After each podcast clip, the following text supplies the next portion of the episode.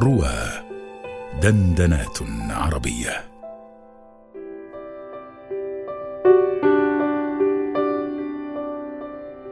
قبس من كلمات إبراهيم عبد القادر المازني بصوت الراوية سهير خميس.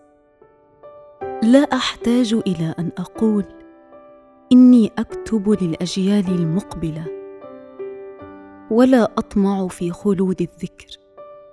وهل ترى ستكون هذه الأجيال المقبلة محتاجة كجيلنا إلى هذه البداية؟